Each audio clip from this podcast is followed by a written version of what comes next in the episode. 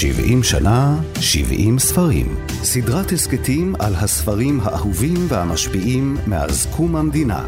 מגישות שירי לב-ארי וענת שרון בלייס. ילקוט הכזבים, מאת חיים חפר ודן בן אמוץ.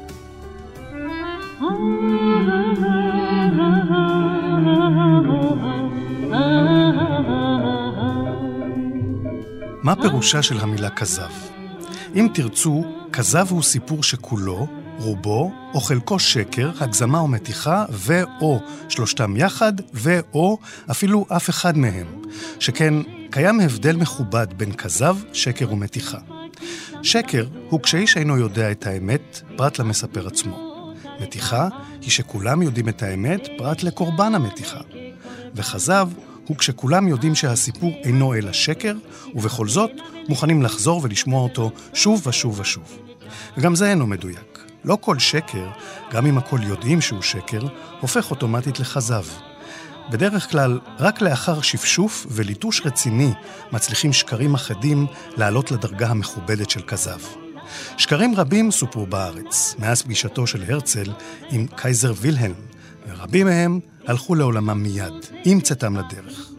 רק אלה שעמדו במבחן הזמן, שעברו את כל מדורי הביקורת העממית ונשארו בחיים, אלה שהיה בהם משהו נוסף לסתם בדיחה או מתיחה, ואותו משהו אין אנו מסוגלים להסביר לצערנו, רק אלה שנחרחו במדורות רבות וטעמם עמד בהם כיין משומר, הוכנסו לאחד התיקים שבילקוט זה.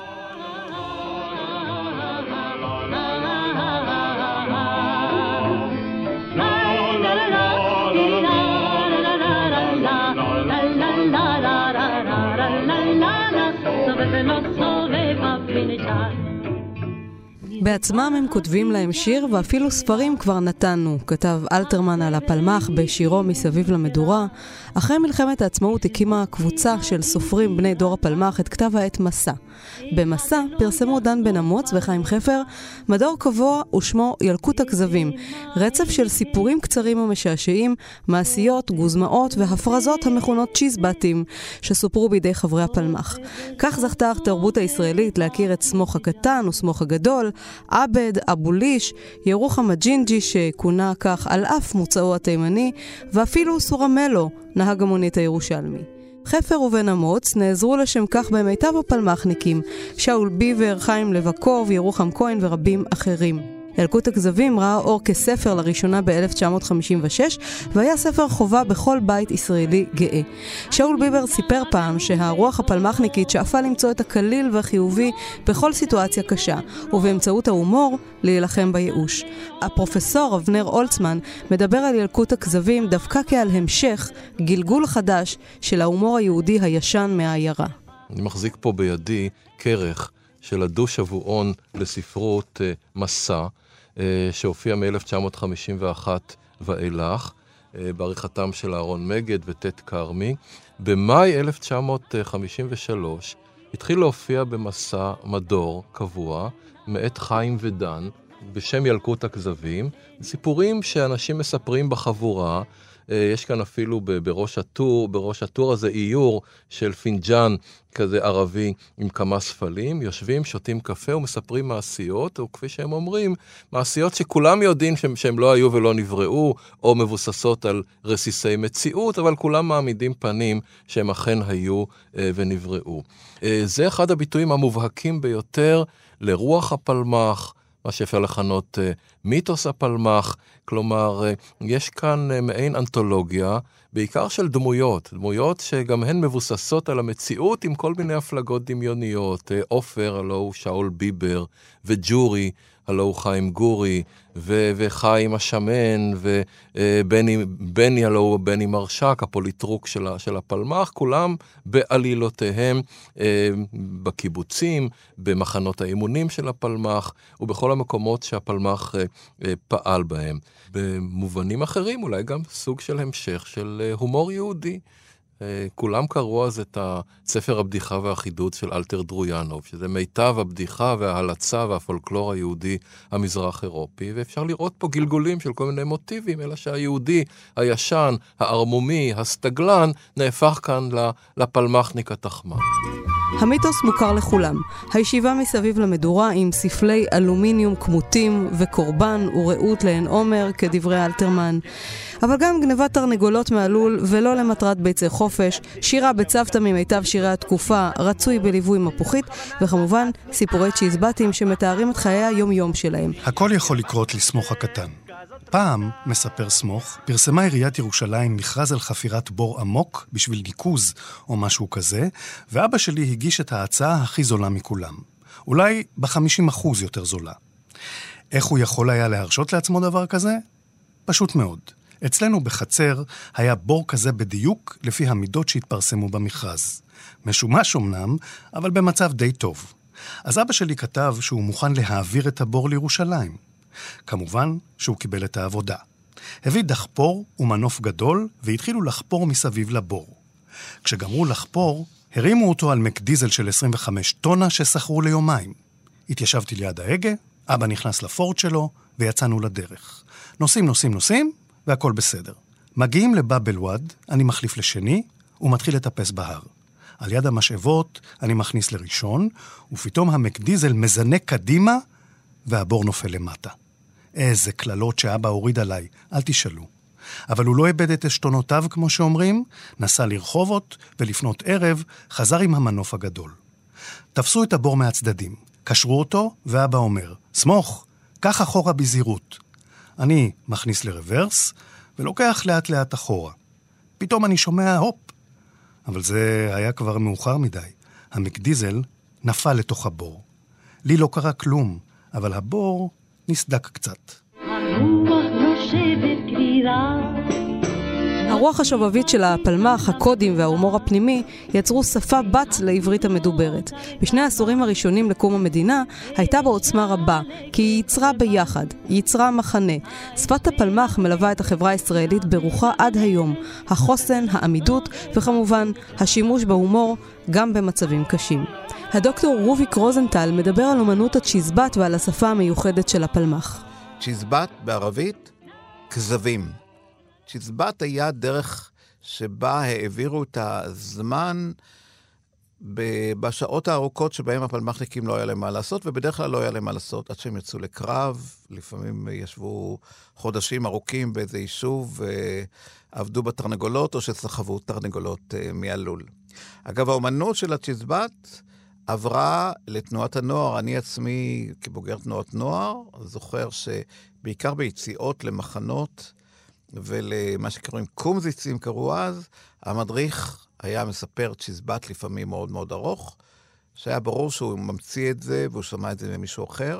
הרעיון הוא שזה לא קרה באמת, אבל זה לא מפריע לאף אחד. מספרים את זה כאילו זה קרה באמת, זה בעצם סיפור בדוי. אבל המעניין בסיפור, סיפורי הכזבים, בניגוד נגיד לפולקלור עממי רגיל, שהכל נכתב על אנשים שבאמת היו, ושסביבם נרקמו האגדות האלה, ותמיד היה איזשהו גרעין של אמת בסיפורים האלה. אדם יושב סביב המדורה ומספר. הגיבור, והיו חבורת מספרים, המספרים המובילים, והם נותנים, המחברים, דן בן עמוס וחיים חפר, מביאים את שמם בראשית הספר. צריך להגיד שדן בן עמוס וחיים חפר היו דמויות מרכזיות בהוואי הפלמ"ח. חיים חפר היה אדם שכתב, אם לא את כל, את רוב רובם של השירים המכוננים של 48 ושל הפלמ"ח. דן בן אמוץ היה דמות מרכזית וגם אה, דרך ספרותית, ולכן זה היה מאוד טבעי שהם יכתבו את הספר. המלך של המספרים היה חיים כלבקוב. ילקוט הכזבים מתאר את הוואי הפלמ"ח והחיים בישראל של שנות ה-40. גיבוריו מתעמתים עם הבריטים והערבים, חיים בגרעינים, מחזרים אחרי בחורות, ובעיקר מציקים זה לזה. לספר נודעה לא מעט השפעה תרבותית לאורך הדורות. ציטוטים מהספר נכנסו לשיח הישראלי, למשל, אתם נוער אתם, אתם חרא, מתוך אה, נאום של אברהם שפירא. או, אני מתקלח פעם בחורף, אם צריך או לא צריך. אפשר לשאול עד כמה רלוונטי ילקוט הכזבים לתרבות הישראלית היום. האם יש בו רק ערך נוסטלגי, או שמא הצ'יזבטים של הפלמ"ח הם חלק מהפולקלור הישראלי? התשובה על השאלה הזאת היא שהספר הזה, בראש ובראשונה, הוא ספר לימוד. אפשר ללמוד ממנו, למשל, איך המציאו את ההומור הצברי. אבנר הולצמן סבור שהסיפורים, למרות הכל, הם די תמימים. הסיפורים הם מאוד משעשעים, אבל לדעתי כדאי להתבונן מעבר ל... למה שנגלה לעין. למשל, חשבתי על מה הם לא מדברים כאן, על מה הם לא מספרים. למשל, אין כאן שום אזכור לענייני מין. בכל זאת מדובר על אנשים צעירים, על בחורים ובחורות ביחד, אבל זה, זה אתוס כל כך פוריטני. מה, אפילו שדן בן אמוץ היה ידוע בעלילותיו כבר בשנים ההם, אבל לא דברים שמעלים אותם אה, על הכתב. אה, אולי סמל התמימות שם זה חיים גורי. אנחנו מקליטים את התוכנית הזאת ממש ביום שבו חיים גורי מובא לקבורות, אה, והוא אחד הגיבורים החינניים של האסופה הזאת. אה, הוא סמל איש הרוח התמים, אה, הנאיבי בעולמם של אנשי המעשה המחוספסים. כותבים עליו פה בחיבה רבה, בתור משורר, בתור אה, איש רוח, אבל חיבה שמהולה בלגלוג. אמ, למשל, העברית הגבוהה שלו, יש פה צ'יזבט אחד על האפסנאי של הפלוגה, שבא כולו חיוור ורועד, ואומר, ג'ורי עושה ממני צחוק. הוא בא אליי ושאל אותי אם יש לי אלונטית ובורית, שזה מגבת וסבון. כלומר, אה, אה, גם הלגלוג על, ה, על חיבת התרבות הגבוהה, על חוסר האונים של איש הרוח אה, בעולם המעשה, וגם תיאורים קונדסיים של הפלמחניק כאיש מסתדר, שמסדר את הסביבה. יש פה סדרה שלמה של צ'יזבטים על איך תופסים מקום ישיבה באוטובוס מלא נוסעים. פעם אחת הם עולים לאוטובוס עם חבילה גדולה ואומרים, סליחה, סליחה, תנו לנו לעבור, יש לנו פה חומר. כל נוסעי האוטובוס יורדים בבהלה, והם אומרים, לא, לא, לא צריך אה, להיבהל, זה חומר קריאה. אבל בינתיים הם תפסו מקום ישיבה. דן בן אמוץ וחיים חפר כתבו את זה מהזיכרון, או שהם קצת רעננו את הזיכרון, ולכן הסיפורים כתובים כולם בסגנון אחד, שידו של דן בן אמוץ בו מאוד מאוד ניכרת, מי שמכיר את הסגנון שלו. זה סגנון ישראלי צברי, הוא לא סגנון רזה, מצד אחד. מצד שני, הוא בהחלט וזה גם היה חלק מהאג'נדה של אה, דן בן אמוץ, וכמה מסופרים נוספים, כמו עמוס קנן, הם יצאו נגד הסגנון החצי משנאי, חצי עגנוני של סופ... בני הדור שלהם, שהיו בעצמם פלמחניקים. אבל בשבילם הדרך שכותב סמך יזהר הגדול, או אה, אה, אהרון מגד ונתן שחם וכולי, שכולם היו פלמחניקים, או קשור, קרובים. אה, היה, זה לא אנחנו, אנחנו לא מדברים ככה, אנחנו לא חושבים ככה, אתם מנסים להיות סופרים גדולים, אבל דחילק, לא מדברים ככה. וילקוט הכזבים היה אחת התשובות לזה. הנה, תראו, ככה כותבים סיפור, לא עם כל מיני הצטעצעויות. אבנר הולצמן מצביע על העובדה התמוהה שבספר כמעט אין זכר למלחמה, מלחמת העצמאות, שבה השתתפו אנשי הפלמ"ח. אז מצד אחד, אה, זה משהו מאוד פוריטני, ותמים, ונעדר כל עניינים, ענייני יצר ו- והורמונים וכולי. מצד אחר, אין פה שום זכר למלחמה. הרי הפלמ"ח הגיע לשיאו במלחמת העצמאות. אנחנו יודעים שכרבע מאנשי, הפ... מאנשי הפלמ"ח, 1,500 מתוך 6,000, נפלו במלחמה, והיו שם קרבות הירואיים, והיו שם טרגדיות גדולות. אין פה זכר לזה, הכל באיזה רוח אה, מבודחת אה, של הוויה חצי אזרחית, חצי צבאית.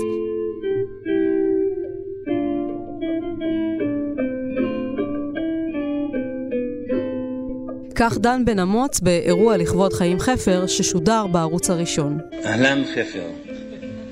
חבל, וואלה חבל שאנחנו לא יכולים להשתתף במסיבה שעורכים לך בטלוויזיה. אבל לא נורא חביבי. כמו שאתה לא שכחת אותנו שם למטה, ככה אנחנו לא שכחנו אותך כאן למעלה. וביום שישי עשינו לך מסיבה, דבר כזה עוד לא, לא ראו בגן עדן. החבר'ה היו ממש בעננים. בהתחלה חשבנו לעשות את זה בחוץ, מסביב למדורה, כמו פעם, אבל בשלכת נושף כבר הסתיו, ואפילו כאן, למעלה, כבר מתחיל להיות קצת קריר.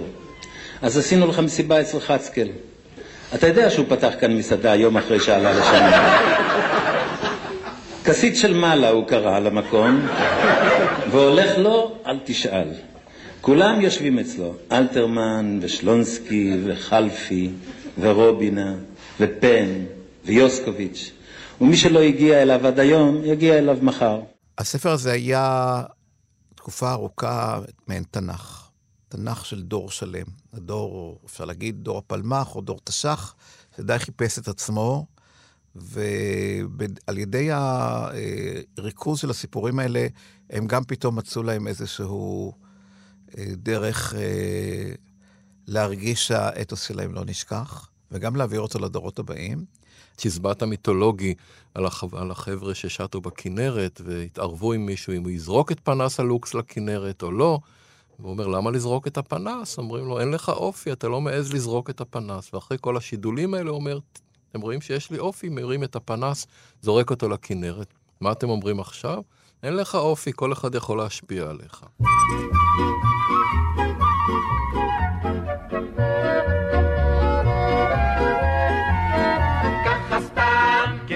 בשפה שלהם הם השתמשו, אה, ב, אתה מגלה שם כל מיני שפות מעורבבות, הרבה ערבית, מטבע הדברים, הדבע, שהוא הצבוע, סלמתה, כל אחד קשור לסיפור. קצת יידיש, קצת לועזית, אבל אין אנגלית. אנגלית לא קיימת בשפה הזאת, למרות שזה היה תקופת המנדט, זה לא במקרה, והם אהבו מאוד לשבש אה, ביטויים. אה, למשל, הייתי מיירא אותם אחד-אחד. במקום יורה, והרבה מאוד ניבים אה, פ, אה, שחלקם הפכו ל, למטבעות לשון. אה, כשבגרוש היה חור, הם משתמשים בזה, כשבגרוש היה חור ורק מעטים הסתכלו על דרכו, על החיים. אה, לקח רוורס, הכניס לרוורס, כך שיש פה גם, אה, הספרות הזאת, כמה שהיא סיפור, ככל שהיא סיפורית, היא גם שיקוף, דווקא בזכות העובדה שהיא סיפורית, דיבורית, היא שיקוף מאוד אה, נאמן, היא אוצר שיכול ללמד אותנו על השפה של אז. המאייר דני קרמן, שאייר את המהדורה המחודשת לספר משנת 2009, מספר כי בנערותי אני וחבריי דיברנו ילקוטית. כך דיברו בארץ בשנות ה-50. בקריאה ביקורתית יותר, התואמת את האקלים התרבותי של ימינו, נראה כי יש לא מעט שחץ, ולעיתים אפילו קהות רגשית, בסיפורים הללו. סיפור שמספר את זה יותר מכל סיפור אחר, זה על הבחור שניגש לבקר את אבא שלו, שהיה חולה מאוד בבית החולים, שוכב, וניגש הבחור, טופח לו עם היד הגדולה על השכב ואומר לו, גוססים, אה? ובשבילי הגוססים הזה, זה בעצם סיפור של דור. זאת אומרת, גם חספוס, גם בעצם סוג של חוסר רגישות, וזה גם סיפור מצחיק. זאת אומרת, זה גורם לך לצחוק במקום אה, לכעוס על האידיוט הזה שאומר לאבא שלו גוססים. אומרים שהיה פה שמח לפני שנולדתי, והכל היה פשוט נפלא עד שהגעתי. פלמח פינג'אן קפה שחור וכוכבים, אנגלים מחתרת וילקוט הכזבים. עד כאן התוכנית על ילקוט הכזבים שערכו דן בן אמוץ וחיים חפר. תודה לאמוץ פרידמן על קטעי הקריאה, תודה לליטל אמירן ולענת אורי. כאן באולפן שירי לב-ארי. כן! זאת.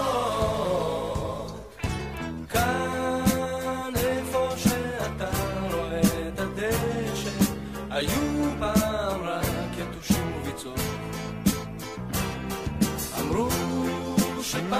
היה כאן חלום נהדר אבל כשבאתי לראות לא מצאתי שום דבר. יכול להיות שזה